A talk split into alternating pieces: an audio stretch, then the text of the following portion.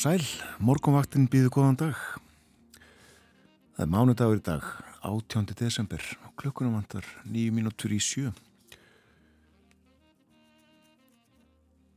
Björn Þóru Þórun Elisabeth hafa komið sér fyrir með uh, ilmandi kaffi í bólum.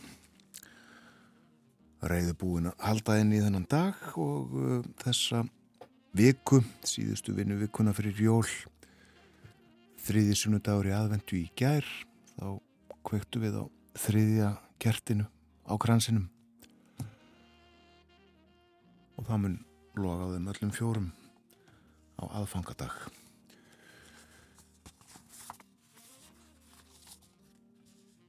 Það er frost víða um land, landið er uh, að stóru leti blátt, blátt þýðir frost en uh, þó fá hennar undan tekningar á því þegar litið er á yfirlitskortið frá því klukkan 6 í morgun. En uh, hittin var um frostmark í Reykjavík hægur vindur, skíjað tvekjastega frost í Stafóldsei upp sveitum borgarferðar hitti við frostmark í stikkishólmi skíjað þar austan fjóri metrar. Fimmstega frost á Patrísfyrði nánast logn þryggjastega frost í Bólungavík stafalogn þryggjastega frost á Holmavík og sunnan tveir metrar. Einstegs hitti hins vegar á Blönduósi norðan tveir. Hitti við frostmark á Söðunesvita sem og á Akureyri, léttskíðað á Akureyri suðastan tveir metrar. Einstegs frost á Húsavík og tveggjastega frost á Rauvarhöfn tveggjastega hitti á Skjaldþingstöðum í Vopnafyrði fimmstega frost á Egilstöðum heiðskýrt og logn. Hitti við frostmark á höfni Hortnafyrði en tryggjastega hitti á Kvískerjum. Hægur vindur þar. Einstegs frost á Kirkjubæðaklaustri einstegs hitti á Stórhauða vestan sjö þar fór í 13 metra í mestu kviðu. Og hitti við frostmarki Árnesi. Frost á Hálendinu tveggjastega frost til dæmis á Holtaverði heiði fjögura, fimm og sjö stega frost á öðrum aðtöðunastöðum og við hugum að verinu spanni Já, suðvestlæg átt 3 til 10 metrar á sekundu og dálítil jél í dag en bjart með köplum norðaustanlands. Líkur á snjókomu um tíma suðaustan til framan af morgni. Og uh, það eru smá lægðir og lægðadrög á sveimi við landið. Þurft að kalla já annars uh, jél við og dreif annar staðar en á norðausturlandi. Það verða svo efnis meiri jél er það kallað í hugleðingum viðfræðings og vaksandi vestanátt sent í kvöld og í nótt og áfram á morgun en úrkomu löst að kalla eistra. Það dregur heldur úr vindi og jéljum annað kvöld og frost í dag og morgun víða 0 til 7 stig en frostlöst með söðuströndinni. Á miðvíkudag er búist við lægðardrægi frá Grænlandshafi sem að reyfist norðaustur yfir landið. Hversir þá talsvert úr austri og fer að snjóa en hlínar jafnframt þannig að rignir við suðuströndina. Og þegar lægðadrægið er komið yfir norður og austurland þá snýst í stífa vestan og norðvestanátt með jæljagangi og kólnar í veðri. Á fymtudag verður jæljagangur eða snjókoma, talsvert frost og á förstudag vetrar sólstöðum. Og laugadag, þorlagsmessu og sunnudag, nú er það komið í spána, aðfangadag jóla þá er útlitt fyrir áframhaldandi norðlega átt með jæljum víða um land en bjartviðri siðra og harnandi frost. Þetta er hvít jól, heyrðist mér. Mér heyrist það, hvít og köld jól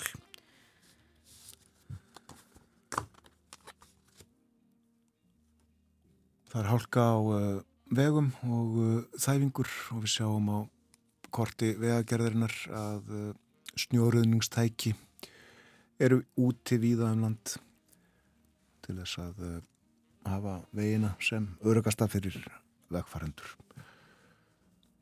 Flughált að hluta á Suðustrandavegi, hálka, hálkubletti snjóþekja víða og á flestum leiðum á Suðvesturlandi snjóþekja eða krapi á flestum leiðum á Vesturlandi, þæfingur á fróðarheiði og hálka á flestum leiðum á vestfjörðum, snjóþekja á stengrinsfjörðarhefi og þæfingur meðal annars á innstrandavegi. Þungvært í árnesrepp og uh, hálka eða snjóþekja á flestum leiðum á Norðurlandi og Norðausturlandi og einnig á Austurlandi. Svona er ástandið á þjóðvegunum. þjóðvegunum. Nú, uh, flugumferðarstjórar eru í verkvalli og uh, viðlarnar frá bandaríkjunum og Kanada uh, lenda því ekki fyrir neftir tíu og svo með það byrj klukkustund síðar geta þær hafið sig á loft og nými farþega til Evrópu. Þetta er þriðja tímabundna verkvall flugumferðarstjóra í kjaradælu þeirra núna og uh, eitt til bóðað. En það er ímislegt á dagskrá morgumvaktarinnar í dag. Við ætlum að fjalla um uh, Evropasambandið og Úkrænu. Við ætlum að fjalla um uh, afstuðu fólks og uh, tröst. Komum betur inn á það eftir og uh, fjöllum líka um konu uh, sem að, að kaupmaður í Reykjavík fyrir um betur yfir þetta á eftir. En setjum fyrsta lag þáttarins þennan morgunin af stað. Við förum 80 ár aftur í tíman, við förum til uh, Casablanca í Marokko og inn á næturklúpu, þið þekkið þetta, Play It Again, Sam.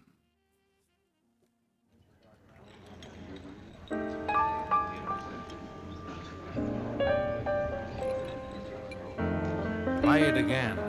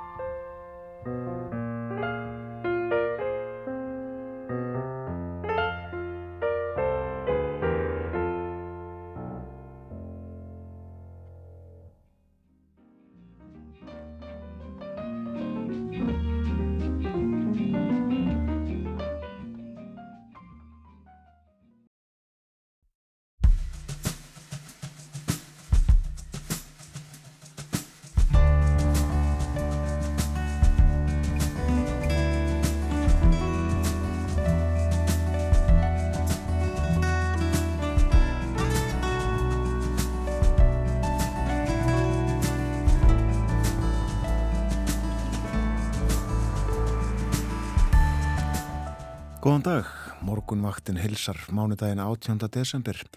Umsjón með þættinum hafa Þórun Elisabeth Bóadóttir og Björn Þór Sigbjörnsson. Við ætlum í dag að fjalla um nýja greiningu á íslensku samfélagi. Niðurstöðunar sína að mikill munur er á trösti gagvart ráðamönnum eftir fjárhagstöðu. Egna fólk tröstir stjórnvöldum en annað fólk síður. Og efnaðir telja ójöfnuð síður vera vandamál í samfélaginu.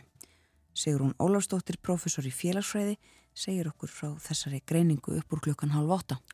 Við fjöllum líka um væntanlega Evrópusambands aðild Úkrænu og Moldófu En sem kunnugt er samþykti leðtóðaráð ESB fyrir helgi að bjóða ríkunum tveimur til aðildar viðræðina. Björn Malmqvist fréttamaður í Brussel fer yfir ferlið sem að framöndan er. Og svo segjum við frá kaupkonu nokkuri sem að rakk verslun við laugavegin í Reykjavík á fyrirluta síðustu aldar.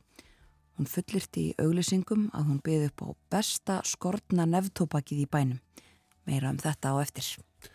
Rúlustegar verða einni til umfjöldunar hér eftir smá stund og uh, við lítum í blöð, innlend og erlend en uh, fyrir fólk sem var að uh, kveikja á útastækinu akkurat núna þá segjum við frá því að það verður suðvestlæg átt á landinu í dag vindræðin svona að 10 metrum á sekundum að búast við svo litilli snjókomu en það verður bjart með köplum norðaustanlands og líkur á snjókomu um tíma suðaustan til framanamotni og uh, heitast í því dag 0 uh, til 7 stig uh, frostlust við Suðurströndina.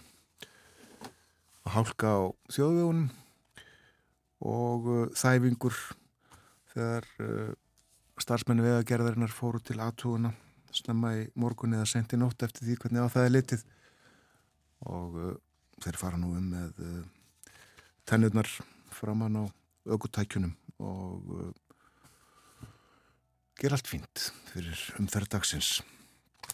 Já, uh, blöðin, uh, það er fjallaðum og sagt frá hér á fórsvíðu morgunblaðsins í dag frá aðtúasendum sem að borist hafa við, eða umsögnum við frumvarp um breytingar á lögum um fiskveðistjórnuna og útgerðamenn á Snæfellsnesi er ekki sáttir.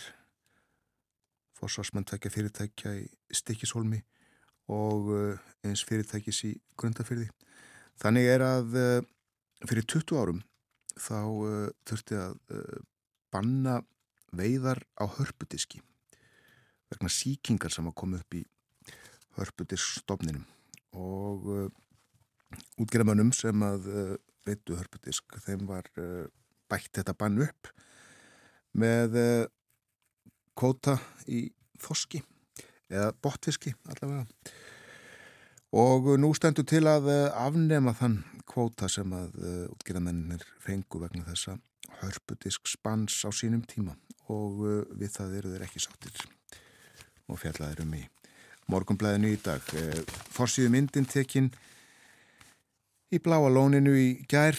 Þar eh, var hægt að baða sig í fyrsta sinn í margar vikur eða frá því að eh, að eh, Grindavíkubæri var rýmdur. Og minni nú að Bláa Lónið hafi verið opið þarna einhverja daga á eftir. En allavega lifnar yfir svartsengi við opnum Bláa Lónsins segir hér en uh, þetta er gufa, mikil gufa og svo má sjá uh, kollafóls gæjast upp úr heitu vatninu og uh, öryggisverði sem að fylgjast grant með. Þetta er allt saman vaktað vel, segjaðu, sem að stýra bláa lóninu.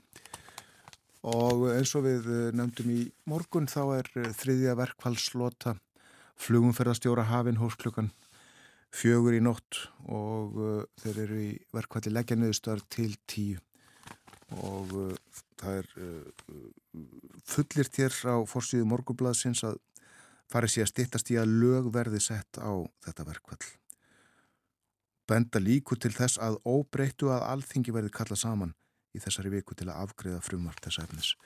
En uh, blæðið tekur þó fram að uh, innviðar á þeirra Sigur Ringi, hann uh, vil ég ekki staðfesta þetta, staðfesta það að uh, frumvarp til laga á þetta verkvall uh, sé tilbúð í ráðunitinu. En haftur eftir honum ég held að samfélagið standi ekki saman um þetta verkvall og þess vegna augljóst að þessir aðeinar eigi að setjast niður og semja Þetta er síðasti samningurinn í lótu sem hóst fyrir meira en ári og allir hafa hingað til samið um kjör innan ákveðins bils og það hlýtur að vera það sem menn ættu að vera að tala um, segir uh, ráðarann. Og komið til uh, þess að uh, stjórnvöld vilji setja lög, þá verða ekki sett bráðabyrðalög, heldur þing kalla saman. En þingstörfum lög á lögadaginn Eh, þá var fjálað frumvart næsta á samþygt og eh, minnir að um það byrjum tíu mál önnur hafi orðið að lögum, ekki þó eh, þessu orkulagamáli sem að nokkuð að fjallaðum í síðustu viku ákveðið að fresta afgjörslu þess fram í januar en uh, það verður áhugavert að sjá hvort að uh, þing verði kallað saman á í fyrir jól til þess að uh, koma í veg fyrir næstu lotu eða næsta verkfall flugumferðarstjóra. En ef ég mann rétt þá mun það skella á setna í vikunni takist ekki að samja fyrir þann tíma.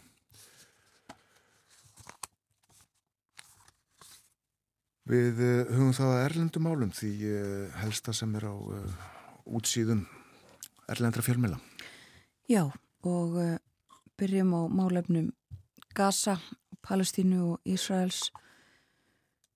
Og uh, segjum frá því að það er uh, greint frá því á VF Guardian meðal annars nú í morgun að uh, það verði á nýjanleik lögð fram tillega í öryggisróðu saminuðu þjóðuna sem að kveði á um að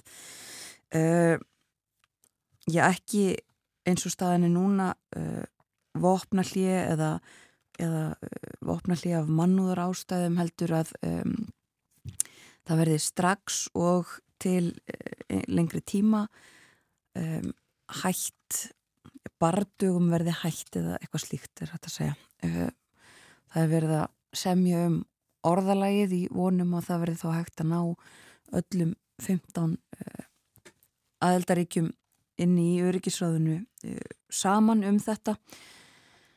Það eru saminnið arabísku fyrstadæmin sem eru að vinna þessa tillugu sagt eh, í Guardian að Araparíki hafi fylst uh, svona.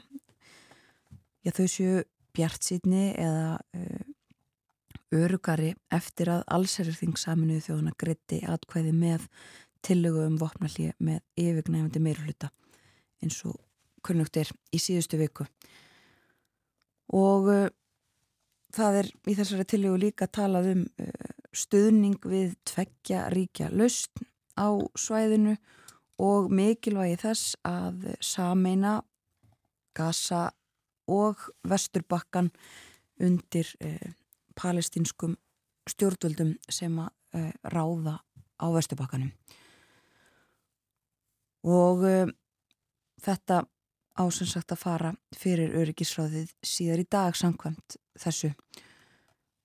Og uh, stjórnvöld á Gaza segja að, að minnstakosti 90 hafi látist í uh, árásum á flóttamannabúður í dag eða í, í nótt ekki hefur verið hægt að staðfesta það uh, frekar en margt annað gríðarlega erfiðar aðstæður auðvitað eins og hlustundur þekkja.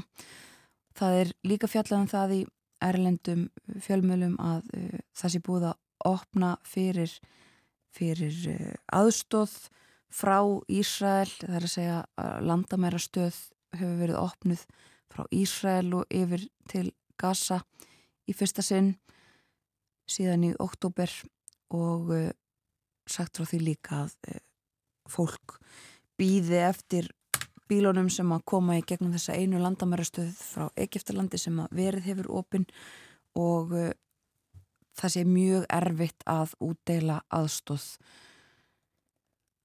svangt fólk uh, fer og nær sér í uh, mat, segir hér í frett á BBC vegna þess að uh, það er já, og það er erfitt að, að dreifa aðstóðinni með nokkrum hætti vegna mikill að loftarosa og erfiðra aðstæðna almennt.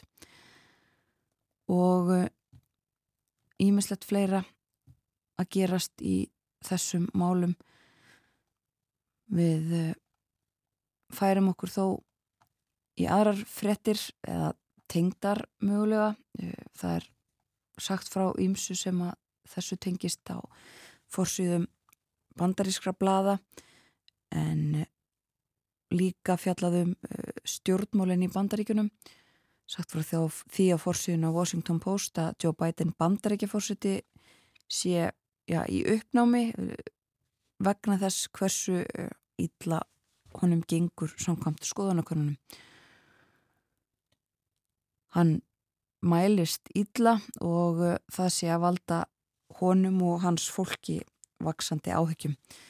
Hann vilja starfsfólkið grípi inn í og geri meira. Það sé áhyggjur af því að uh, hann sé að mælast verð heldur en líklegasti andstæðingur hans í næstu fórsettakostningum Donald Trump. Og það gengur lítið að saksa á það. En uh, segjum líka frá fréttum frá Danmörku og Norðurlöndunum það eru auðvitað mynd af dönsku stelpunum handbóltalandsliðinu og forsýðinu og politíkan Bronshöfunum Bronshöfunum uh, sem að fögnuðu og það er forsýðu myndin á politíkan það er uh, unnubronsið eftir sigur á svíum.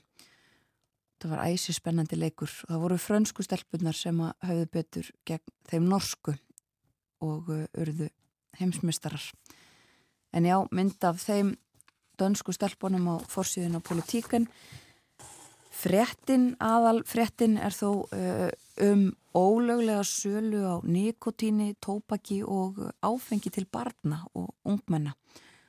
Uh, það verði að stemma stegu við slíkri sölu og það á nú að fara í uh, aðgerðir sem að hljóma kannski kunnulega. Það á að senda ungt fólk á vegum stjórnvalda í búðirnar til að reyna að kaupa og koma þannig í, í, eða komast þannig að raunum hverjir það eru sem að er að selja ólöglega til barna það er líka að tala við tvo profesora um þessi mál sem að eru ekki alveg vissir um að þetta samræmist dönskum lögum að ráðast í þessar aðgerir. Og uh, í sænskum fjölmjölum nefnum við kannski það að þar er ekkert minnst á handbólta en uh, tala þar um uh, varnarmálinn í Svíþjóð og svo líka það að Danir og Svíjar ræði svolítið saman um um glæpi og þau málu öll það sé að lokka sænska pólitíkusa stjórnmálamenn yfir sundið hvernig eh, Danir hafa tekist á við gengjastrýð. Kom heim, eh, það er líklegt að margt fólk hafi farið í verslanir um helgina eh, og þá ekki síst eh, verslana miðstöðar og þá kannski þessar tvær stóru á höfuborgarsvæðinu og farið milli hæða í þeim með rúlustígunum en það er við ár 60 ár síðan rúlustíði var fyrst settur upp á Íslandi og það var í kjörgarði við lögavögg. En um kjörgarð er fjallað á vefsíðu sem heitir 101reykjavík.is, eh, kveipmenn í miðborginni, halda þeirri síðu úti. Þar segir við lögavögg 57-59 stendur eitt glæsilegasta vestlunarhús landsins kjörgarður. Forgöngu að byggingu húsins hafður Sveitbí Valfells og Kristján Fridriksson Kristján átti upphaflega helming þeirrar loðar sem kjörgarður stendur á en byggingafrænkvandir vegna hús fyrir fyrirtæki hans últímu strönduðu þar sem að leifi fengust ekki, fengust ekki eða sent og upp úr því kviknaði svo hugmynd að slá saman loðunum og uh, byggja á þeim eitt vestlunarhús og úr varð makasínað erlendri fyrirmynd sem þá var kallað fjölverslunar bygging en er nú í daglegu tali nefnt verslunarmiðstöð og uh, tekningar gerði hinn kunni arkitekt Haldur Há Jónsson. Hann teknaði margar af þekktustu byggingum bæjarins svo sem Hótelsögu og Hátekskirkju. Jón Gunni Árnason var byggingamestari og annaðist verkstjórn. Og Kjörgarður opnaði löst fyrir jólinn 1959 þá uh, hafðu 14 verslanir komið sér þar fyrir og uh, þeim fjölgaði og voru 25 búðir í kjör, kjörgarði þegar mest var og uh, setna var uh, húsið stækkað, hæð var bætt við. Og uh, meðal vestlana sem að voru í kjörgarði eh, var skeifan húsgagnaveslun og últíma var þarna herrafattaveslunin, þarna var skóveslunin Ríma, veslun Vafbjk sem að seldi sport og vinnuföt og herravörur. Og svo veslunin Sport sem að seldi sport og veiðitæki og einni úra og skarkripa veslunin Menið og uh, storkurinn var í kjörgarði e, líka tískan sem seldi nærfatnað hvenna lífstíkjavörur og fleira. Og uh, Mælifell seldi álnavöru Orion seldi garn, garn, tvinna, nappa saumavilar og ímislegt þeimdur Bernhard Lagstall var þarna líka blómavæslunin Kjörblómið og hárgreðslustofan Blæ Ösp og Gluggatjöld voru seld í vestlunni Gluggatjöld og uh, svo var á efstuhæðinni kaffihúsi Kjörgars kaffi og uh, frá því var uh, útsýnið við sundin blá.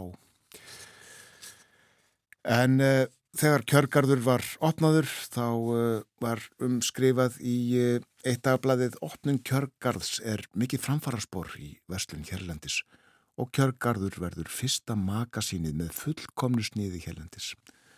Þángað ganga mann ekki bónliðir til búðar. Þetta var 1959 en það var sem sagt 1963 um vorið sem að eh, rullustíum var tekin í gagnið og morgumblæði sæði frá um miðan mæ í gerð var lokað í vesluninni kjörgarði því þar var verið að setja upp rullustega sem að, á að ná upp á þriðju hæð. Þetta er fyrsti rullustíin sem komið er upp hér á landi en þeir þykja nöðsynlegir í stórum vestlunarhúsum Erlendis. Getur fólk stíið í neðstu tröppuna og staðið kyrt meðan hún flytu það upp á næstu hæð og er að þessu mikið hagraði.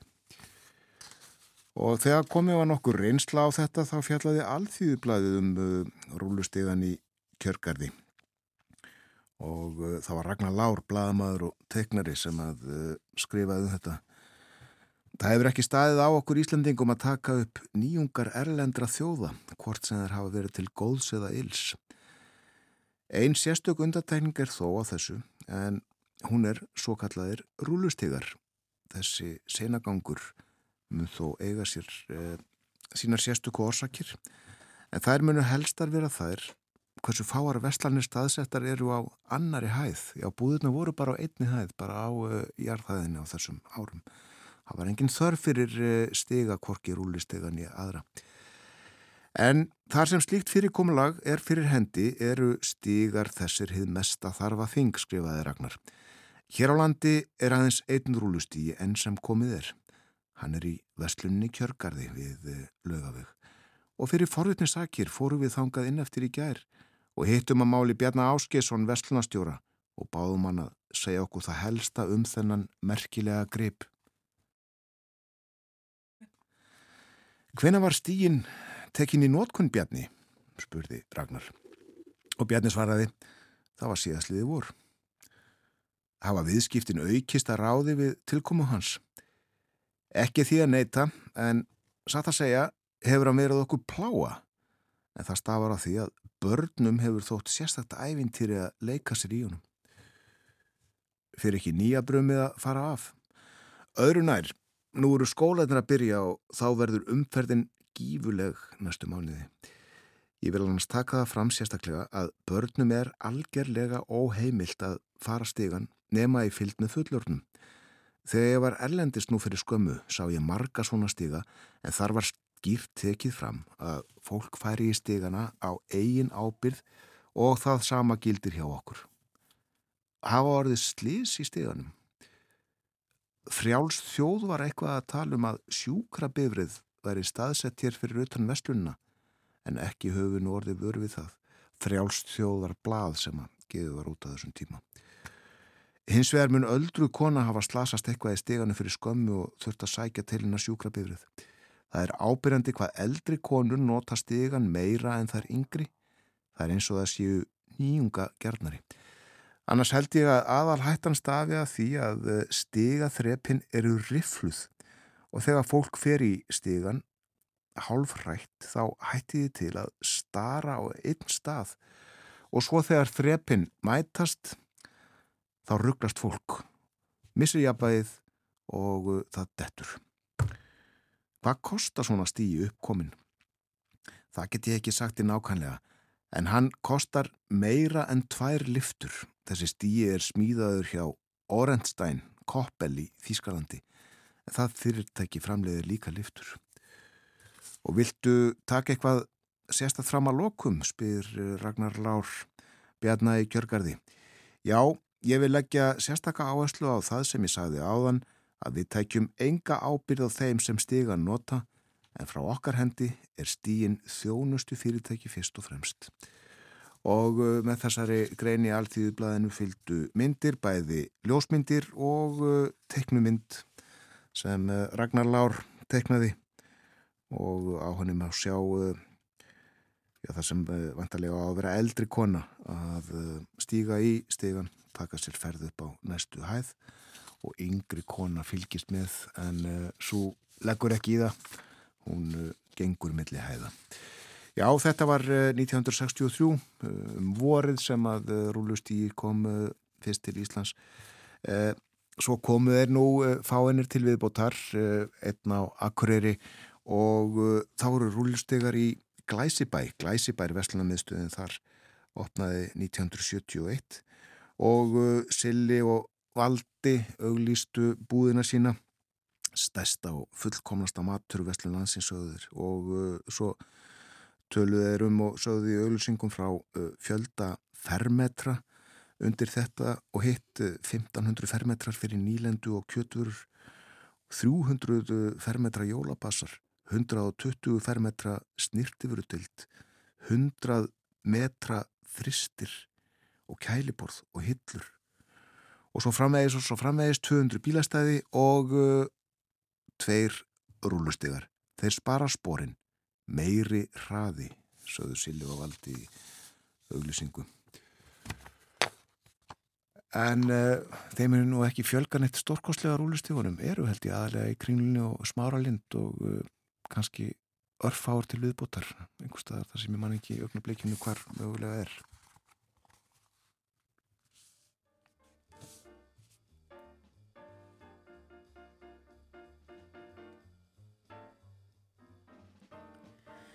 Það líður að yfirliti morgunfrétta.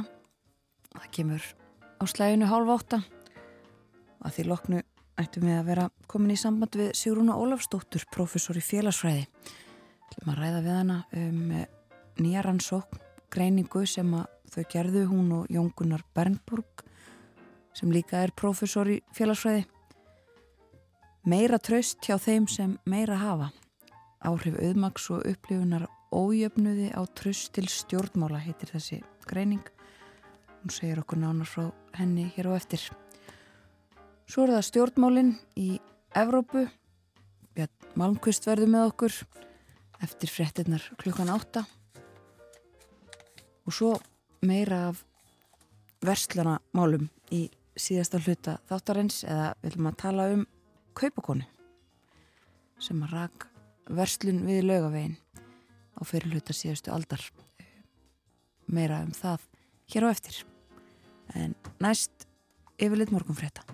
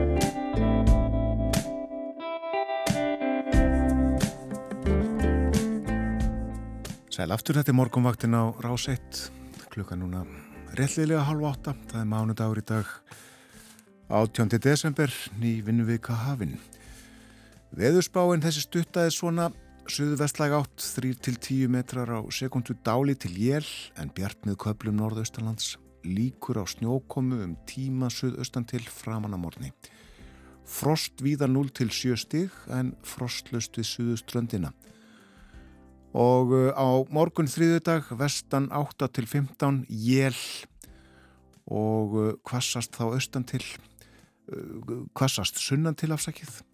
Bjart með köplum eistra það dregus úr vindi og jéljum annað kvöld. Meira en veður síðar. Og nú ætlum við að eiga hér fyrsta samtal þáttarins þennan morgunin við ætlum að fjalla um nýja rannsóknu greiningu á íslenski þjóðir, svo má segja. Já, greining á samfélaginu, trösti og ymsu, uh, tröst almennings á stjórnmálum. Það er grundvallar fórsenda árangursríkra stjórnmála. Og í nýri rannsókn félagsfræði profesorana Jóns Gunnars Bernburg og Sigrunar Ólafsdóttur er fjallaðum áhrif auðmagns og upplifunar af ójöfnuði á tröst til stjórnmála og uh, forvitnilegar neðurstöður þeirra uh, Sigrún er með okkur í gegnum internetið, góðan dag Sigrún. Já, góðan daginn. Sko, um, tröst á stjórnmálum hefur verið rannsakað nokkuð en um, hvað var það sem að þið lögðuð upp með í, í þessari rannsókna að gera? Já, nýtt?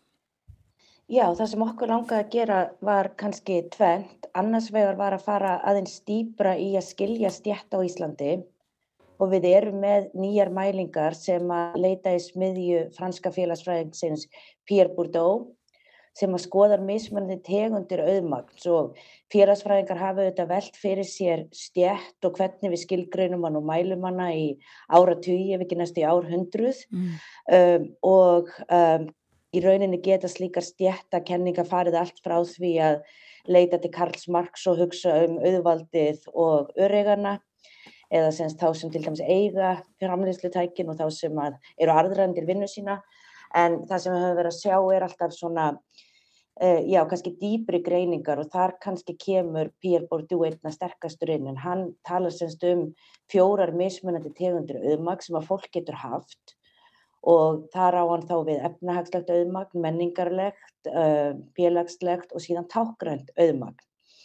Og það má í rauninni segja að þetta er eitthvað sem einstaklingar um, auðmagn sem að fólk þá hefur sem að það getur þá nýtt sér á einhvern hátt til að komast áfram í samfélaginu eða fá meira heldur en aðrir og það hefur verið sínt fram á og það hefur mikil áhrif á alls konar skoðanir og upplýfur einstaklinga í samfélaginu. Þannig að annur spurningin í rauninni sem við höfum er þessi um hver eru þá áhrif þessa auðmags á tröst til stjórnmanna sem er þá ný leið í rauninni til að skoða áhrif stjætta og kannski næra ákveðinu stjætta átökum sem að aðrar mælingar myndi ekki ná.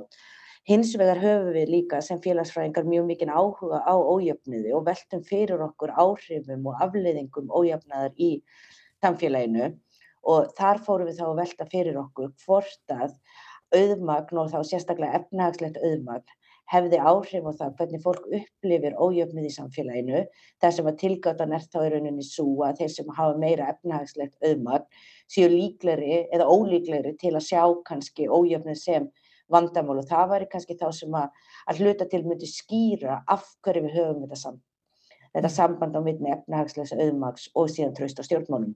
Já. Ymmitt og sko, ymmitt þið leggjum upp með þetta að sjá svona hvernig þessar helstu vittir auðmags tengjast tröstu á stjórnmálum og þið til þess að gera þetta þá uh, já, spurðu þið fólk nokkuð margra spurninga uh, til þess að svona ákvarða hvern og eitt þessara þáttar sem þú fóst yfir, það er ekki bara peningarnir sem að ráða stjættastöðunni, það eru þessir fjórir þættir sem að e, koma fram í þessari kenningu. Viltu segja okkur aðeins frá því svona hvaða var sem að þið e, ákváðu að reyna að draga fram frá fólki til þess að meta þetta, þessa þætti? Já, algjörlega og það sem að kannski má svolítið segja um kenningar Bourdieu er að við höfum mjög mikið skoðað áhrif menningarlegs auðmags en kannski minna, kannski skoðaði að sérstaklega mælt hinnar þrjár tegundirnar. Þannig að við sátum mjög mikið yfir því að velta fyrir okkur hvernig getum við í rauninni náð yfir þessi kenningalegu hugtök sem hann kemur fram með. Já. Og eins og ég myndist á þá er mikið hefur rannsakað uh, menningalöðumagni, til dæmis bara hvernig það hefur tengsl og áhrifinan mentakerfisins. Þannig að þar í rauninni sóttum við bara í fyrri spurningar og þá er fyrst og fremst verið að skoða hluti eins og svona, já það má kannski kalla það hámenningu, hvernig þú metur svona það sem við myndum oft tala um sem fítni hluti í lífinu, uh, hvort þú metir klassiska tónlist, hvort þú lærðir á hljóðfæri, hvort þú lesir bækur. Þannig að við bæði skoðum svona hvort fólk metur það en líka hvort að fólk fara á tónleika. Þannig að þetta er svona bæði þá í rauninni viðþorf og hegðun.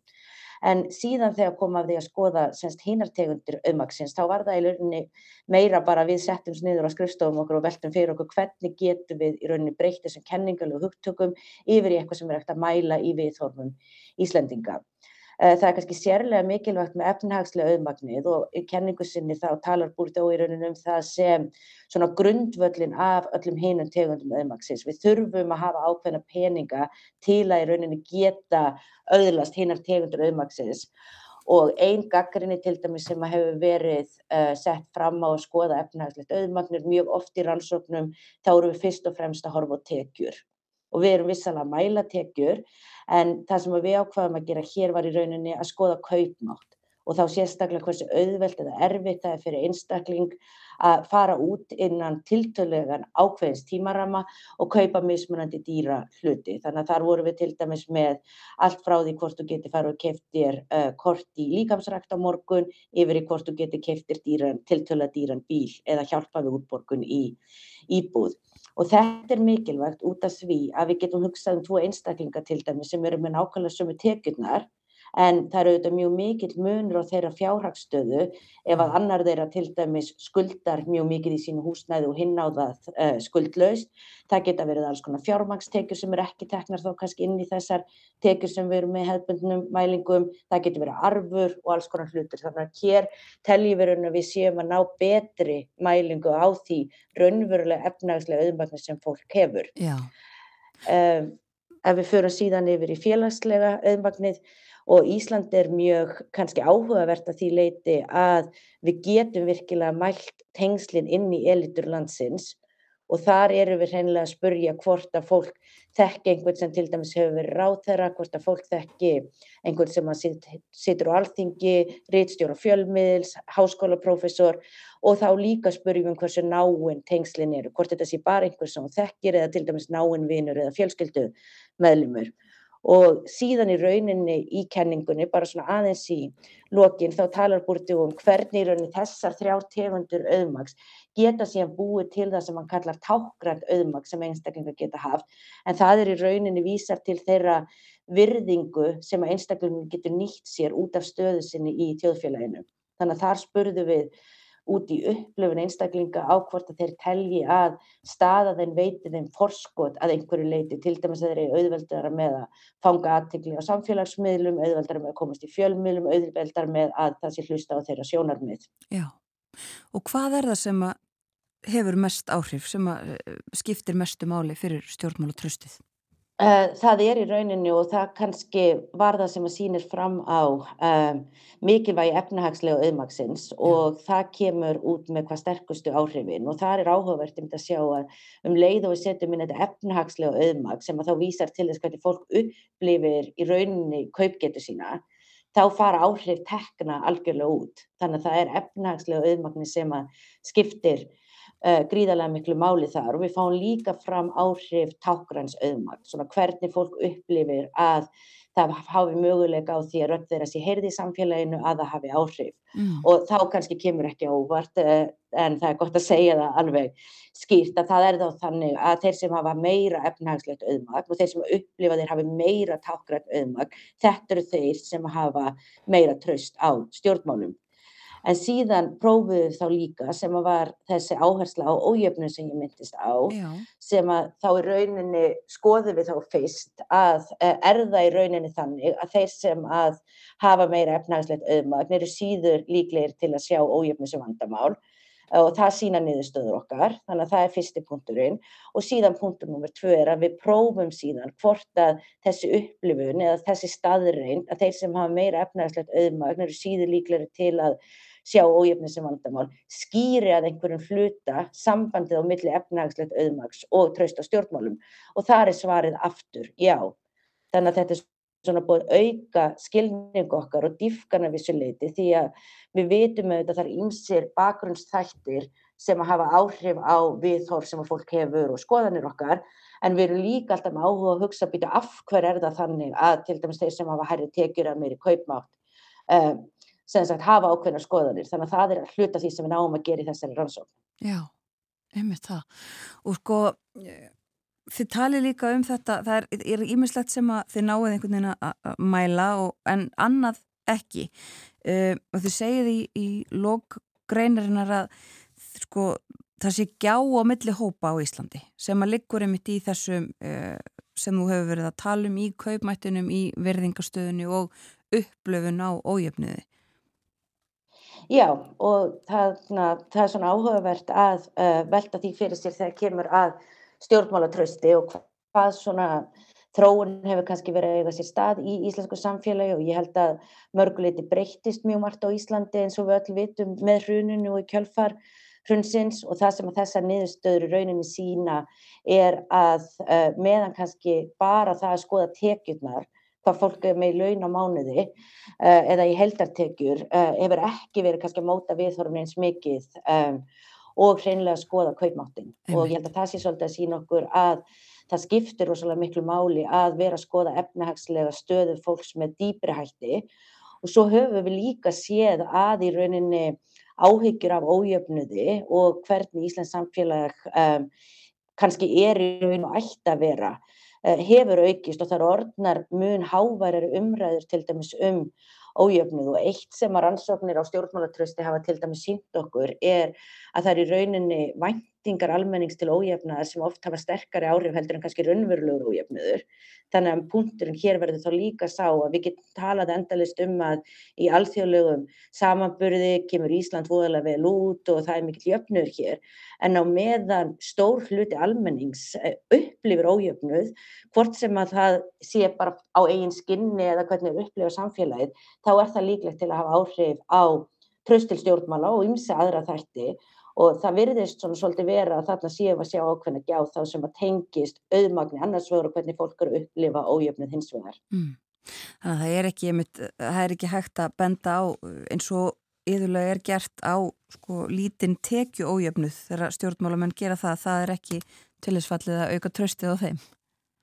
Nei, alls ekki. Þannig að það er náttúrulega bæði þetta að fólk kannski upplifir að fólk er í mismunandi stöðu í samfélaginu algjör og óháð tekjum þeirra eins og ég myndist á hér á það. Mm -hmm. Þú mhm. getur verið með sömu tekjur og einhver annar en uh, líf þeirra og uh, lífsreynsla er allt, allt önnur.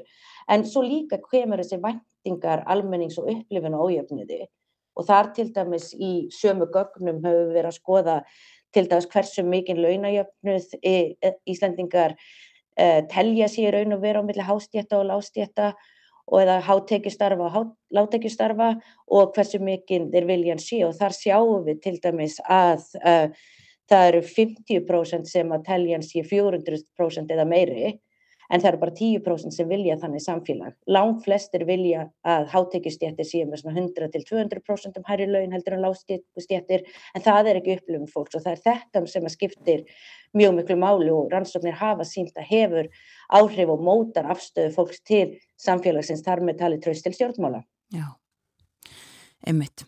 Þetta er aðteglisvert Takk fyrir að segja okkur frá þessu og vera með okkur á morgumvaktinni Sigrun Ólafsdóttir í Þýskalandi. Kæra þakkir. Já, takk.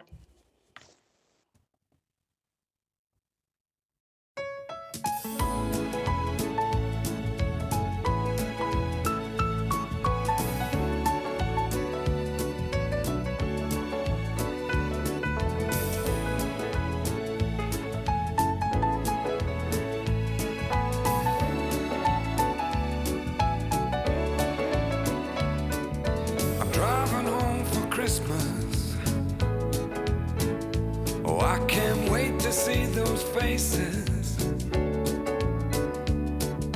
I'm driving home for Christmas.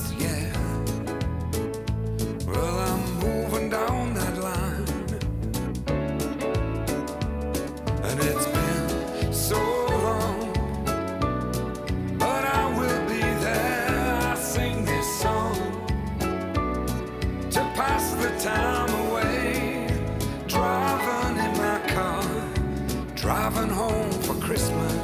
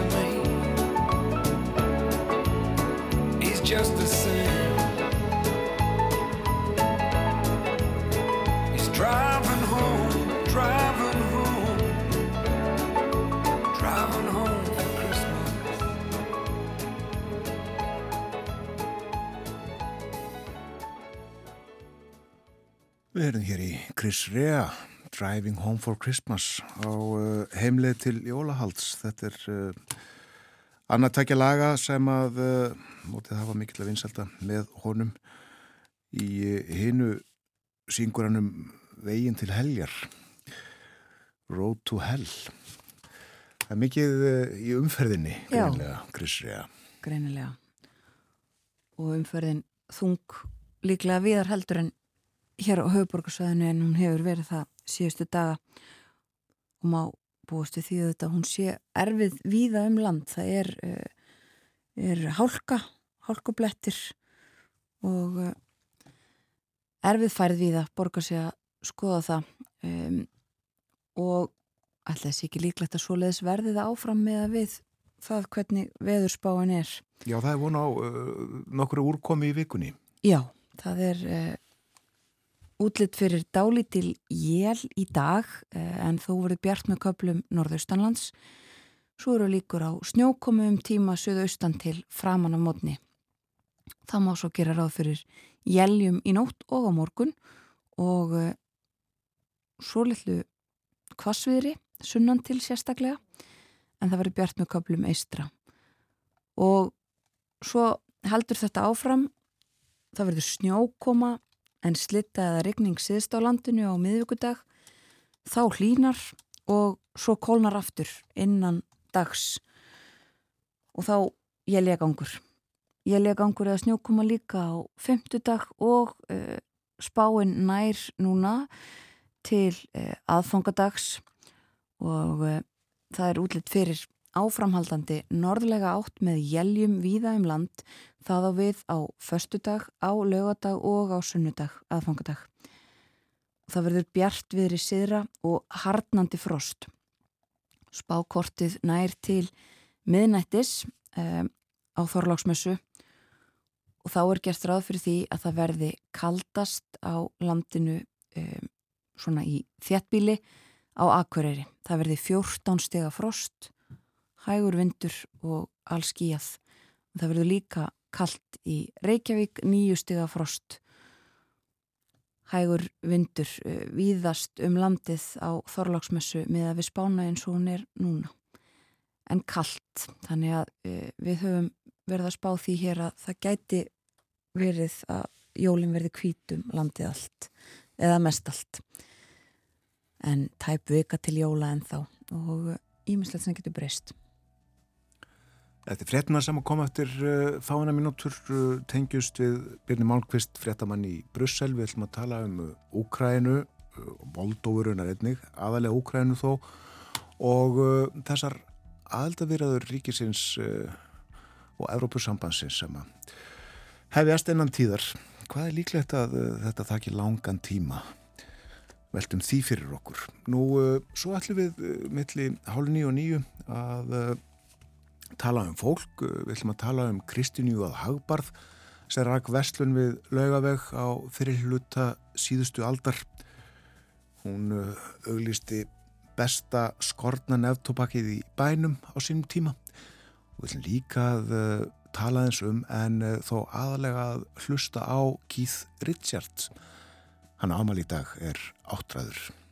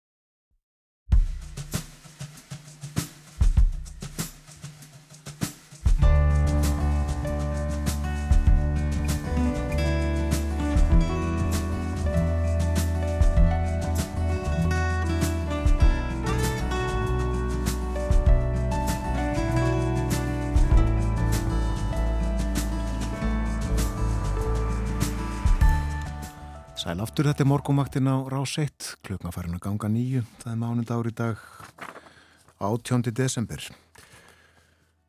Ég uh, minni þá að hér á eftir, uh, eftir hálftími eða svo ætlum við uh, að tala eins um Keith Richards, hann á Amali í dag, gítaleikarin, frábæri, áttræður og já, talum hann, þó ekki tsellega mikið vil, nú aðlega hlusta á hann leika á gítarin.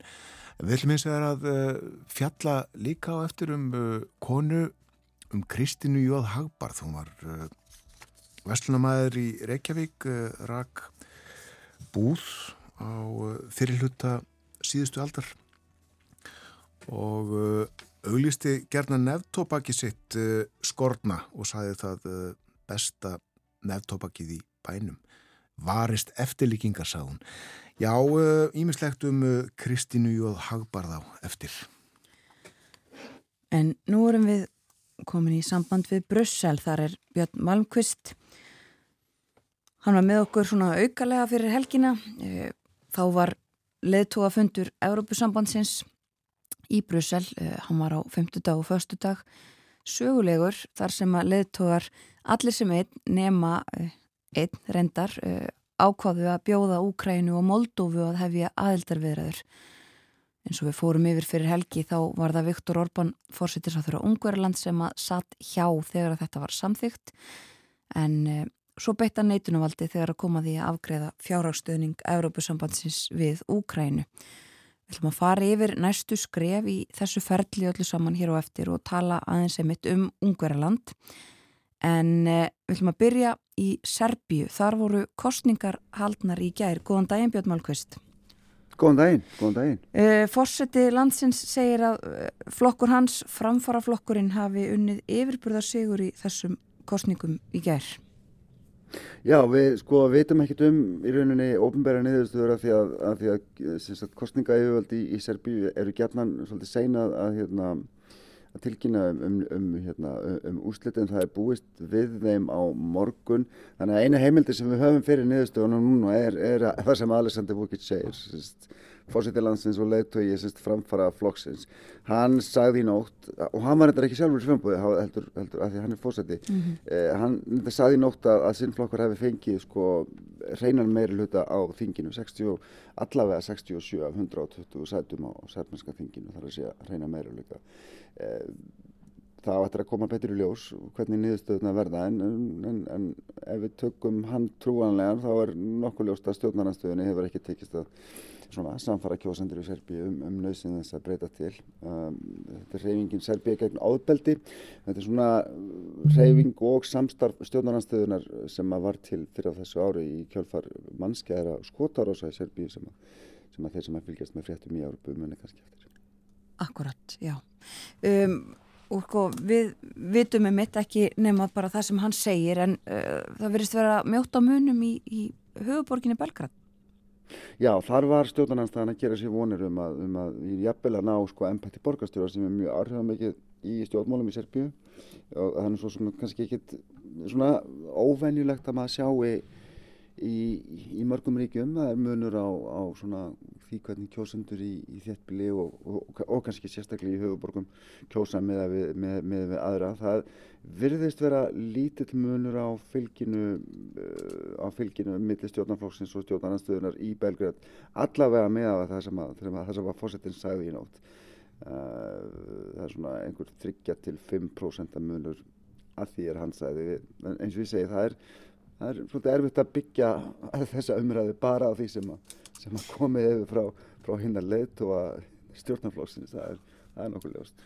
Þetta skýrist á morgun líklega, já. En uh, við ætlum að tala um, tala um Evrópusambandið og, og uh, Úkrænu hér á eftir, en uh, Serbia er, er það ekki umsóknaríki, gagvart Evrópusambandinu, eitt af hvað sex ríkjum á Balkanskaganum sem að hafa sótt um aðelda ESB? Já, sko Serbia er í þessum hópi sex eh, ríkja, eh, sko eins og þú segir, sem er svona svolítið hort til að, að, að sé hluti af, af svona næsta stækkunarfasa Evrópusambandsins. Um, sko Serbia er enda búið um svona ríki síðan 2003 uh, og, og, og það hafa staðið yfir sko aðeldaverið síðan 2014. En þetta hefur gengið Já, þannig að þetta hefur gengið mjög hægt, uh, þetta ferli með Serbíu og Evrópussambandið megin ástæðan er kannski eh, þessi spenna sem hefur verið alltaf millir Serbíu og Kosovo. En kannski líka vegna þess að sko, stjórnvöld í Serbíu þau bara þykja ekkert hafa staðið sig neitt mjög vel í því að berjast á móti til dæmis skipulöfum glæpa samtökum og, og spillingu, ég menna hörðustu gaggrinnindu stjórnvölda í Belgrad reynda að saka stjórnvöld þar bara um að vera hluti af uh, skipulöfum glæpa samtökum og spillingu. Um, og svo náttúrulega hitt sko að, að það hafa alltaf verið mjög náinn tengsl millir milli serba og rúsa og, og sem að settu sko serba í kannski svolítið erfiða stöðu eftir innrásuna eftir eftir að rúsa riðast að fulla þunga inn í Ukrænu í februari fyrra. E, þú veist þeir hafa ekki verið að taka þátt í sko refsiðagerðum gegn rúsum e, þeir hafa svolítið svona að taka hlutlösa afstöðu.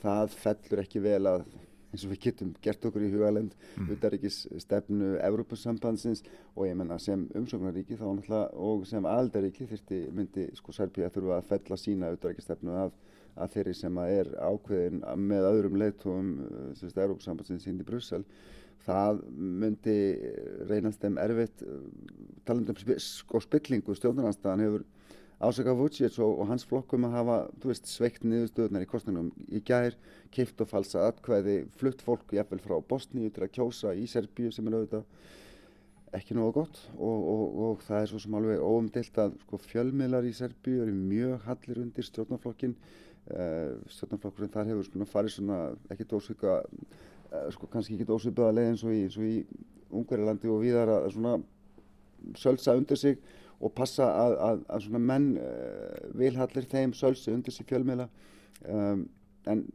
kannski heyrum við meira af þessu eftir þegar eftirlitshópur ÖSI Öryggis og Samfunnustofnunar Evrópu verður með blamarfund í Belgrad eftir hátíði eh, eins og venjulega þá er fólk þaðan uh, sendt til að fylgjast með kostningum og, og reyndar er þar í nokkrar vikur á undan til þess að svona, fylgjast með undirbúningi þeirra og, það er reyndar Íslendingur sem fær fyrir hópnum, hann heitir Albert Jónsson. Já, sérfræðingur í öryggismálum og fyrir um sendiðara hann er núna, hann leiður þennan uh, kostning eftir eitt sóp sem hefur verið í Serbíu á undanfjörstum vikum og þeir verða með blamarfund eftir háti í dag og ég vissum að, að niðurstaðan þar verður þess verða að hlusta á. Já, við fylgjumst með því.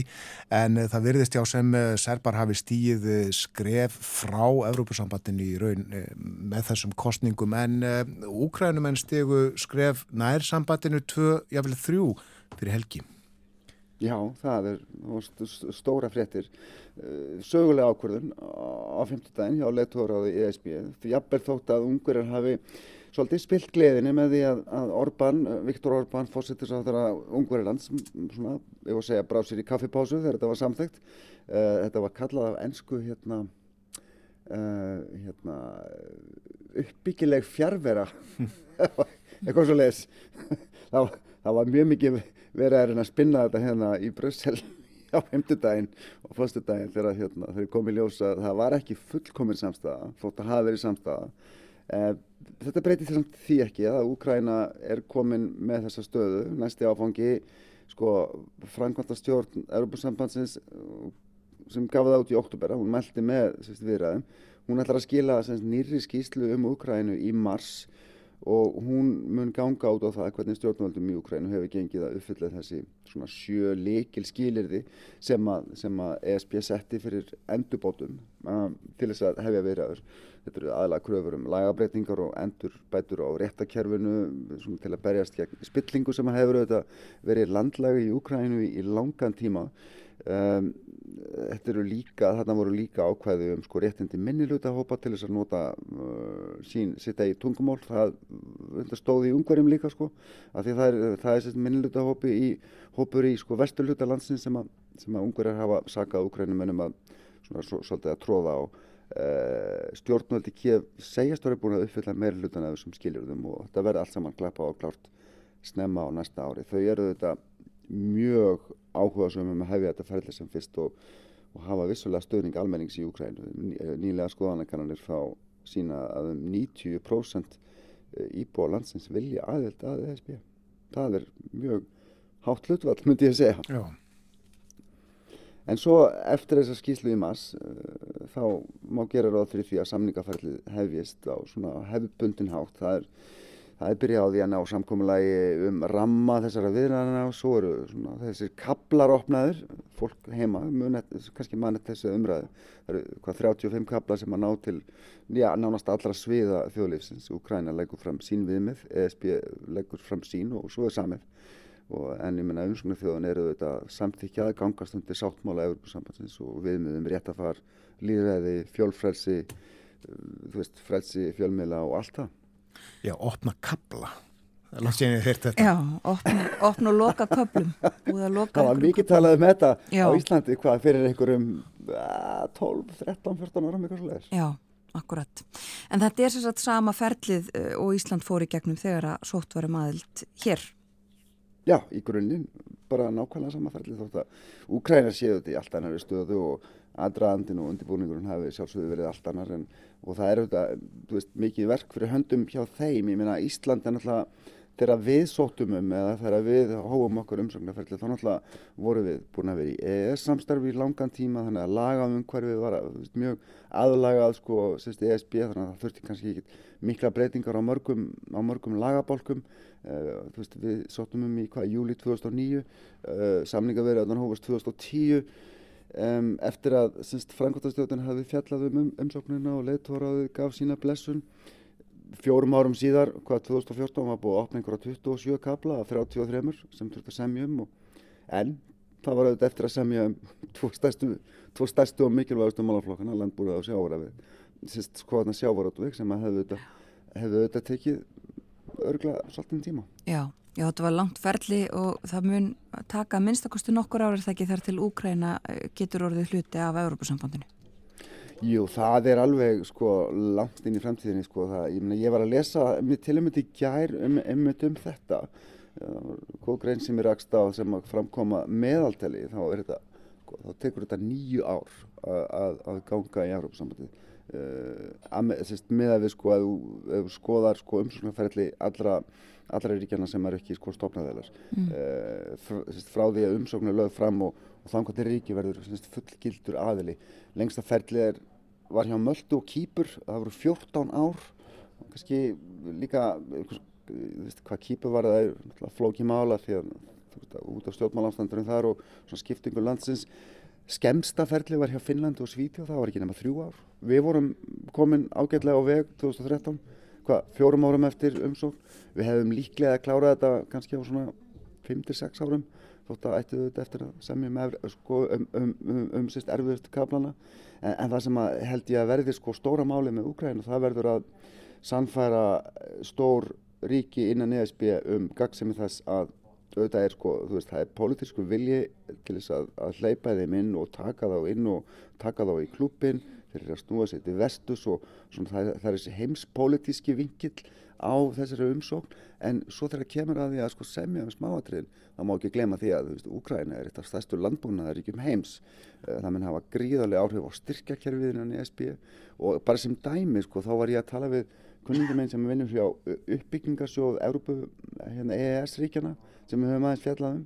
Uh, að því að sko sásjóður hann deilir út peningum til, til ríkja sem eru með sko þjóðaframlöslu sem er minna heldur en meðaltal ESB það er þessi 90% af meðaltali ESB ef að Úkræna kemur inn þá fara allir styrkir þessa sjós til Úkræn af því að þeir draga svo, veist, mikið svo, að, að, sko, þeir draga svo mikið niður meðaltal á þjóðaframlæslu innan ESB þannig hérna, þannig að, þannig að þeir munu soga til sín sko, og þetta er bara svona veist, algjörst smáatrið sko, í stóra saminginu þessi peningar sem, sem að koma frá þessum EES en, en það er nokkuð ljóst að sko, Úkræna mun, mun soga til sín styrki í mjög, mjög, mjög langan tíma og ríki sem að núna eru að fást sko, styrki úr, úr, úr, úr sjóðum ESB munum verða sest, sest, greiðendur Já. eftir að Úkræni kemur inn. Já. Þannig að þetta er ekkit einfalt mál. Nei, ymmit. Uh, hverfum aðeins aftur hérna í lokin til þessa leðtóafundar í síðustu viku. Uh, og, og þetta útspil Orban sem við erum búin að minnast á, hann brá sér af fundunum þegar aðaldarumsöknun Úkræni var samþygt og það vakti talsverða aðtegli um, og ekki síður þegar hann kom í veg fyrir fjárstuðning Evrópusambandsins fyrir Úkrænu svo held ég að ég hafi séð um helgina að hann hafi sagt að já, hann gæti nú enn komið í veg fyrir aðild Úkrænu uh, þrátt fyrir já, já. þetta um, maður veldir því fyrir sér hvaða áhrif þetta hefur á samskipti Ungverðarlands við önnu ríki innan ESB og, og bara Evrópusambandi sjálft í Brussel. Þetta er auðvitað kannski ekki fyrsti kaplin í, í þeirri sögu. Nei, nei, þetta er ekki fyrsti kaplin í svona vand í svona þeirri sögu sem að, sem að Orban hefur átt í við sko Európusambandið og önnur aðaldaríki en þetta er í fyrsta skipti sem að leittói innan ESB hefur gert nákvæmlega þetta að, að var fund til að taka ekki þátt í aftkvæðagreyslu og þetta vakti í raun frekar hörð viðbröð, ég meina Macron frá Fraklandi sagði að Orban ætti að fara að haga sér eins og Evropabúi ekki taka svona ákvarðanir í gíslingu. Orban sagði líka daginn eftir eins og, eins og þú myndist á að mm. hann og þingið í Budapest hefðu, hefðu og myndu hafa nægt tækifæri til að stöðva þessa vegfærið Úkrænu að því að til dæmis þarf sko samþykki til að afgreða samningsramman, það þarf að það þarf að samtíkja niðurstöna fyrir hvert kabla og svo þarf að sýst, og, sko, um, samtíkja induguna sjálfa og, og hérna og menn hafa vissulega verið að spá í hvað Orban gengur í rauninni til. Já, Já þannig að hann hefur nægt tækifæri til þess að taka einmitt eins og, eins og Makrón segir eh, þetta allt saman í gíslingu og er hann ekki mm. sagaður um að vera tækifæri sinni að nýta sér þetta? Jú, sko, Orban, eh, það er ekkert í fyrsta skipti sem að Orban og ungverðar hafa verið sagaðar um það. Að þeir hafa hérna í Brussel orða á sér fyrir að vera einmitt þetta, tækifæri sinni að nota alls konar mál sem skipti mynd fyrir eitt og annað og svo náttúrulega erum við með þessa langvarandi deilu frangværtastjóðnarinnar við ungverja út af endurbótum rétta, á réttarfari í, í ungverjalandi, stöðu fjölmila þar og alls konar svona mál sem að, sem að það sem að ungverjar þykja ekki sko vera með eh, mál í þeirri stöðu sem að þau ættu að vera með við svona viðmið í, í ESB og, og hérna við erum með þess að 20 miljardar eða svo evra úr uppbyggingasjóða með ESB sem að ungverjar áttu að fá eins og önnur ríki eftir, eftir COVID. En, en frangværtastjórnin hefur haldið tilbaka út af þessum deilum. Það var enda að losa um helmingina þessum peningum daginn fyrir leiðtóafundin og þá var auðvitað frangværtastjórnin gaglind fyrir að reyna að stinga dúsu upp í ungverja og friðið á til þess að þeir myndu jú samþykja þetta með Úkrænu en, en þeir, e, e, þeir eru alveg til hérna sem að halda því fram að Orban sé í raun slett sama um Úkrænu málið og sé bara að nota þetta sem skiptimyndir en það er líka vaksandi umræðu um að Orban sé á einhvern hátt að reyna að grafa undan þessu þessu prójekti sem að Evrópussambandið er, sem að Evrópussambandið stendur fyrir meina hann, hann, hann, hann sé bara að býði því að svona politíski vindar fara að blása svolítið meira honum í haga næsta ári. Ég meina uppgangur hæri flokka í Evrópu mögulegur aukinn styrkur þeirra á Evrópuþinginu og hann er að horfa sérst, þangað, það verður kosið það í júni hann er hann stendur svolítið einn núna í, í leðtóraðinu eftir að Donald Tusk komst í valda í Pólandi og, og lögur réttleiti misti völdin þar. Nú, Robert Fico nýrleitt í Slovaki er ekki að fylgjuna máli eins og kannski margir byggust við. Fico stóð ekkert á móti því að, að, hérna, að styðja aðeldavirðaður við Úkrænu hann hefur ekki staðið á móti sko, nýjum refsiðagjörðum það er annar endar, það er tólti sko, refsipakkin sem að ESB er að koma saman þessa dagana, það er við viljum ekki hvernig Orbán sko, tekur í það. Hann hefur samtætt þetta með semingi til þessa og, og, og það er bara mjög mikil pæling sko, ég meina, einn ein alkohauðmöndur sem ég las hérna um helgina, hann, hann heldur bara blákalt fram að, að, sko, að Fítes að það stefni bara í sko skipbrott uh, í, í samskiptum Orbáns og, og hérna, ESB. Já, við heyrum eflaust meira af þessu síðar. Kærar þakki fyrir í dag Björn Malmqvist í Brussel. Takk, takk fyrir mig.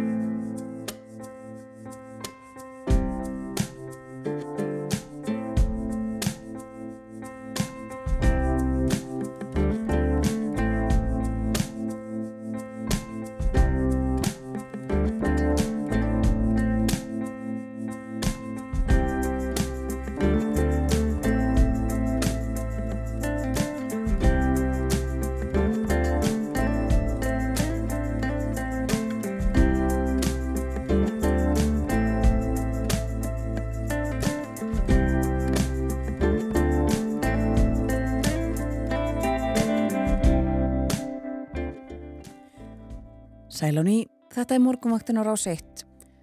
Klukkan orðin liðlega hálf nýju á mánudagsmórni. Það er 18. desember í dag og síðasta hluti þáttarins framundan hjá okkur. Og 8-10 ár eru í dag síðan hjónunum Doris og Herbert Richards fættist sonur. Hann fekk nafnið Keith. Já, Keith Richards er áttræður í dag. Afi hans kvekti tónlistar áhugan þegar eh, Keith var ennþá gutti. Hann gaf honum gítar og kendi honum grunnatriðin í gítarleik. Setna kynntist Keith Mick Jagger, Bill Wyman, Charlie Watts og Brian Jones. Rolling Stones var til og við þekkjum framhaldið.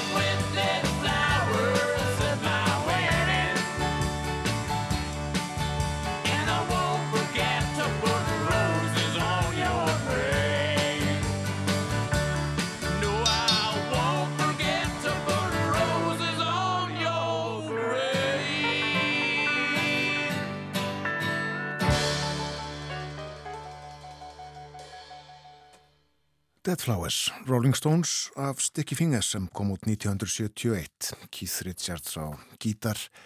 Hann er áttræður í dag og þeir samt þetta saman, Keith og Mick Jagger. Mick er uh, einhvernum fimm mánuðum eldri en Keith uh, fættist 20. og uh, hvað 7. júli ef ég mann rétt. En Keith, já, áttræður. Við hugum aðru En í þættinum í síðustu viku þá lásum við að gamni úr 100 ára gamlum dagblöðum. Við skoðuðum sér satt jólagjafa auglisingar frá miðri aðventunni 1923. Og innan um þær voru í blöðunum auglisingar frá Vestlun hér í bæ, Vestlun Kristínar Jóð Hagbarð. Og hún auglisti um tíma engum nefntópak. Það er nú svo komið að skorna neftópakið frá Kristínu Jóð Hagbarð er ábyggilega það besta og þólir því alla samkeppni, varist eftirlíkingar, auglisti Kristín. Og ég skoðaði betur auglýsingar frá henni og umfjöllun um hana og einnig nýleg skrif. En Kristín fættist í Reykjavík í april 1877. Fóruldrar hennar voru Jón Oddsson Lóðs í Dúkskoti og Guðbjörg Jónsdóttir frá Víðimiri. Móðurinnar var orðurlöð gæðakona, sankant minningagrein um Kristínu en Kristín lést 1960. Og í minningagreinni kom líka fram að fadrinnar var á sínum tíma sæmdur Dannebróksorðunni og líklega fyrir störf sín sem hapsugumadur í Reykjavík. En það var ónemdur vinur Kristínar sem að ritaði um hana minningagreinina og hann skrifaði Þegar Kristín heitin var að alast upp var lífsbaróttan mun harðari en nú tíðkast. Þurfti Kristín snemma að standa á eigin fótum og því kom það sér vel að hún var röskleika kona til sálar og líkama og svo stórhuga og bjart sín að hugurinn bar hana hálfa leið. 20 ára gömul sildi hún til útlanda með tvær hendur tómar og aflaði sér reynslu og þekkingar sem komu henni að góðu haldi eftir hengkomuna. Meðal annars stoppsetti hún þá fyrstu straustofu sem hér hefur verið starrakt og var brautriðjandi á fleiri sviðum aðtarnalífsins. 1918 kefti hún stóra fastegn á laugavegi 26, byggði þar hús og setti á stopn umfangsmikla matföruverslun sem hún raka miklum dugnaði á þriðja áratug. Náði verslun þessi brátt miklum vinsældum en það skapaði hinn létta lund Kristínar hressandi andrumsloft svo öllum leið vel í návist hennar. Munið er ótaldir sem nutu greiðvikni hennar og gesturistni á þeim árum og eiga kærkomnar minningar um laugavik 26 meðan Kristín reyði það ríkjum. Árið 1910 auglisti Kristín í blöðunum sökum ímsra óþæginda af því að eiga samheiti við aðra tek ég Kristín Jónsdóttir Straukona upp undir þetta nafn Kristín Jóð Hagbarð. Það er virðast sem sé hafa verið margar, allavega nokkrar Kristínarnar Jónstæturnar þarna í byrjun síðustu aldar og hún tók því upp eftirnafnið Hagbarð sér til aðgreiningar og, og hæðar auka. En með því að, með fram því að reka strauðstofuna þá starrakti Kristín vinnumiðlun og fyrst virðist hún engum hafa haft milligöngu um ráðningu stúlna í vist en svo í almenn störf. Fólks ráðningastofa Kristínar Jóð Hagbarð auglisti talsvert í blöðunum á nokkuð lungu árabili. Og reyndar auglisti Kristín líka 1910 afar gott hei af reynivallabökkum í kjós verður selt við bæjabryggjuna í næstu viku. Nú, 1916, rétt fyrir jól, opnaði Kristín verslun á lögaveginum. Húsi var fyrst nummer 24 sé ef ég skil rétt, en breyttist svo í nummer 26. En auglýsingi var svona, Í dag opna ég undirittuð sölubúð í húsi mínu, laugavegi 24 sé.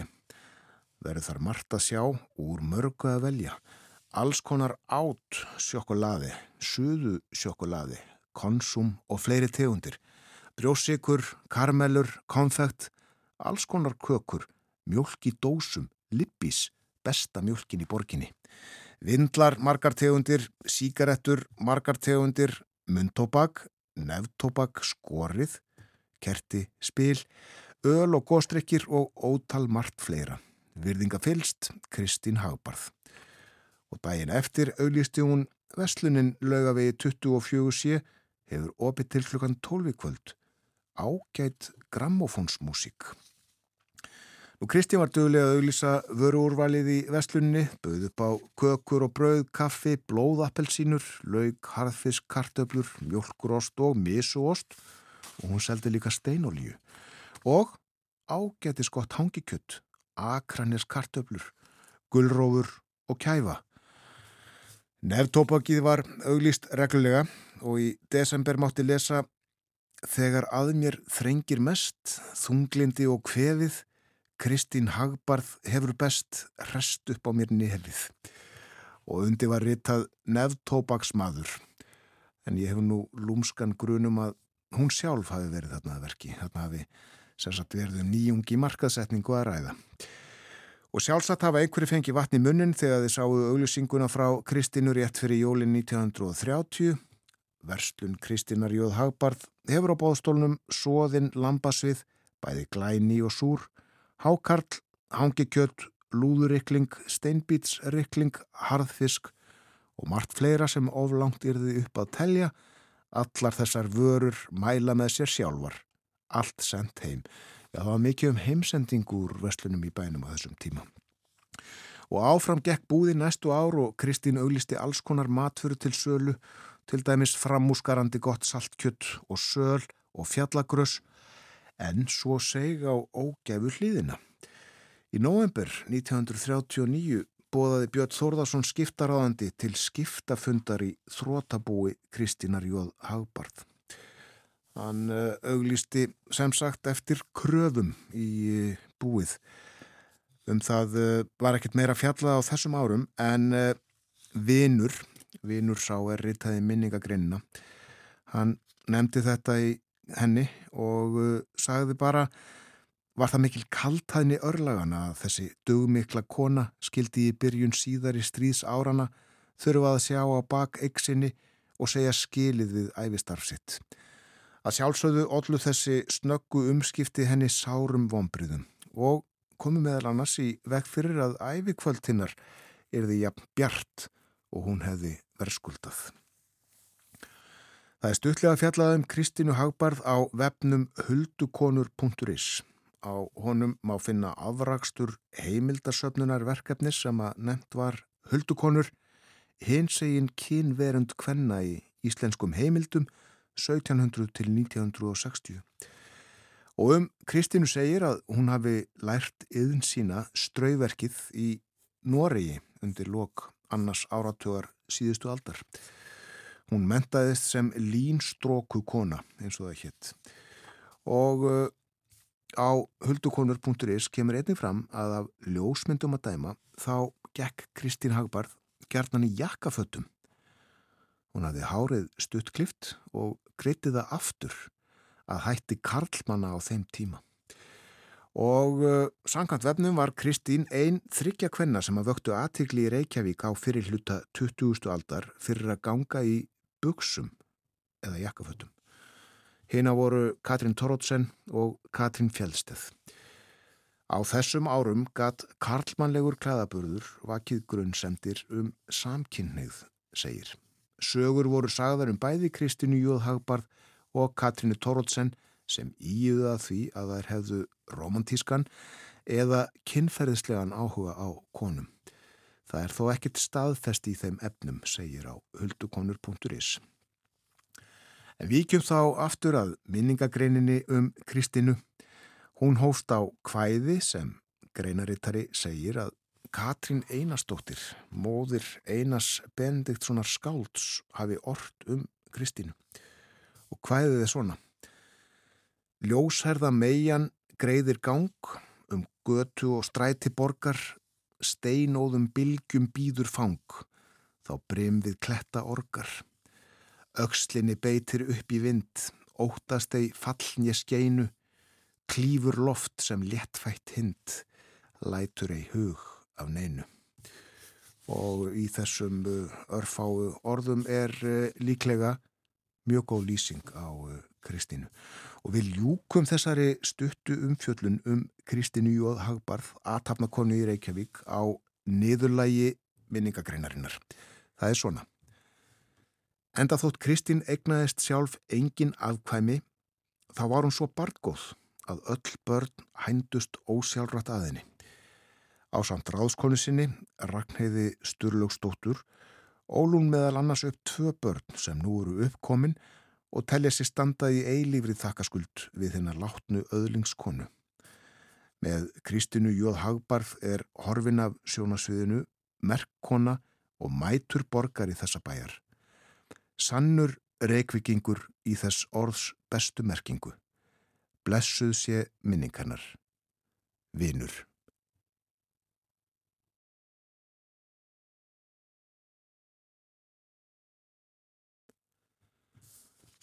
Fáinn orðum uh, Kristínu Jóð Hagbarð Adatmakonu sem uh, auglisti talsvert í blöðunum vöru úrvalið í vestluninni sem hún rak lengi á uh, lögavegi 26.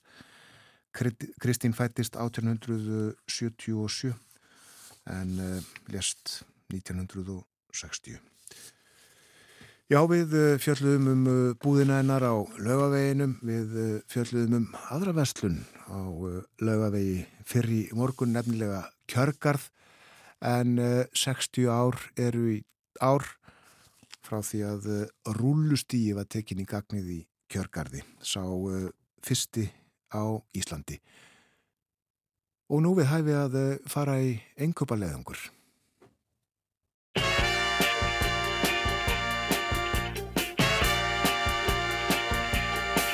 Ég kefti frekkan karl handa Kristjáni, ég náði kundaskó fyrir jól. Svo fekk ég bolla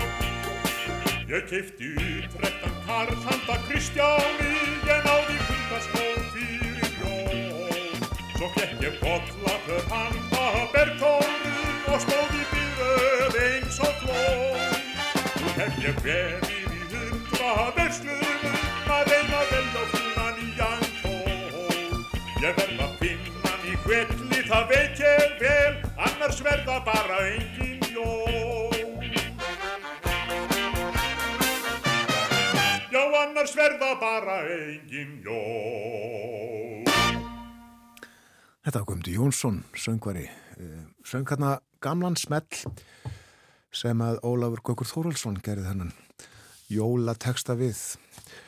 Jóla innkaupin, innkaupa legangur.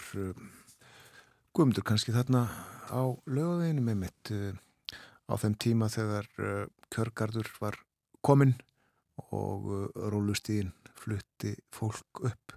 Það þurfti bara að stíga í eh, næsta treppið og skamur síðan var það komið upp og þess að reyfa sig. Mikil bylting á sínum tíma. Og uh, áfram með hugan við jólin við uh, höfum yfir einu sinni en spána, veðurspána. Og það er suðvestlega átt í kortunum fyrir daginn í dag áður en við höldum lengra.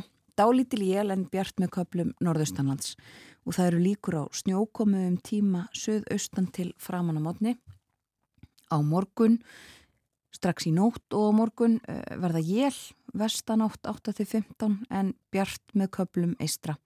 Það dregur úr bæði vindum og jéljum annað kvöld verður frost bæði í dag og á morgun en þó frostlust við söðurströndina. Á miðvíkudag þá gengur í austlæga átt með snjókomu en slittu eða regningu síðst á landinu og heldur klínandi veðri en setnipartin kólnar aftur og snýst í norðan og norðvestanátt með jæljagangi. Það verður svo talsvert frost á fymtudag, norðan og norðvestanátt og jæljagangur eða snjókoma. Á föstudag, vetrarsólstöðum, laugardag þorlóksmessu og sunnudag aðfangadag jóla er svo útlitt fyrir áframhaldandi norðlega átt með jæljum víða um land en bjartviðri siðra og harnandi frost. Það verður sem sagt talsvert frost á 50 dag og svo harnandi frost eh, fram að eh, og á aðfangadag.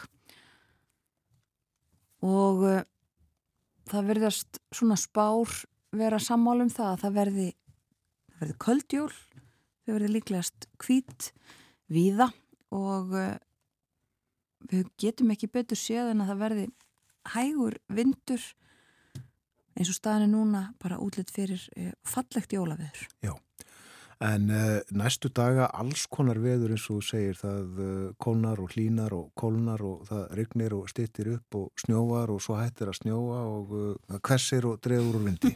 Já, og svo koma fram betri spár eftir því sem líður á vikuna. En þessu er að ljúka hjá okkur á morgunvaktinni. Við höfum setið hér frá því snemma í morgun Björn Þór og Þórun Elisabeth. Farið um víðan völl. Við erum farin að spila svolítið af jólatónlist, höldum því áfram í vikunni. Og verðum hér, eh, morgunvaktin býðu góðan dag þegar klukkunum vantar tíu myndir í sjö. Alla virkamótna. Þakkum samfélgina í dag, vonum að þið njóti dagsins. Verðið sæl.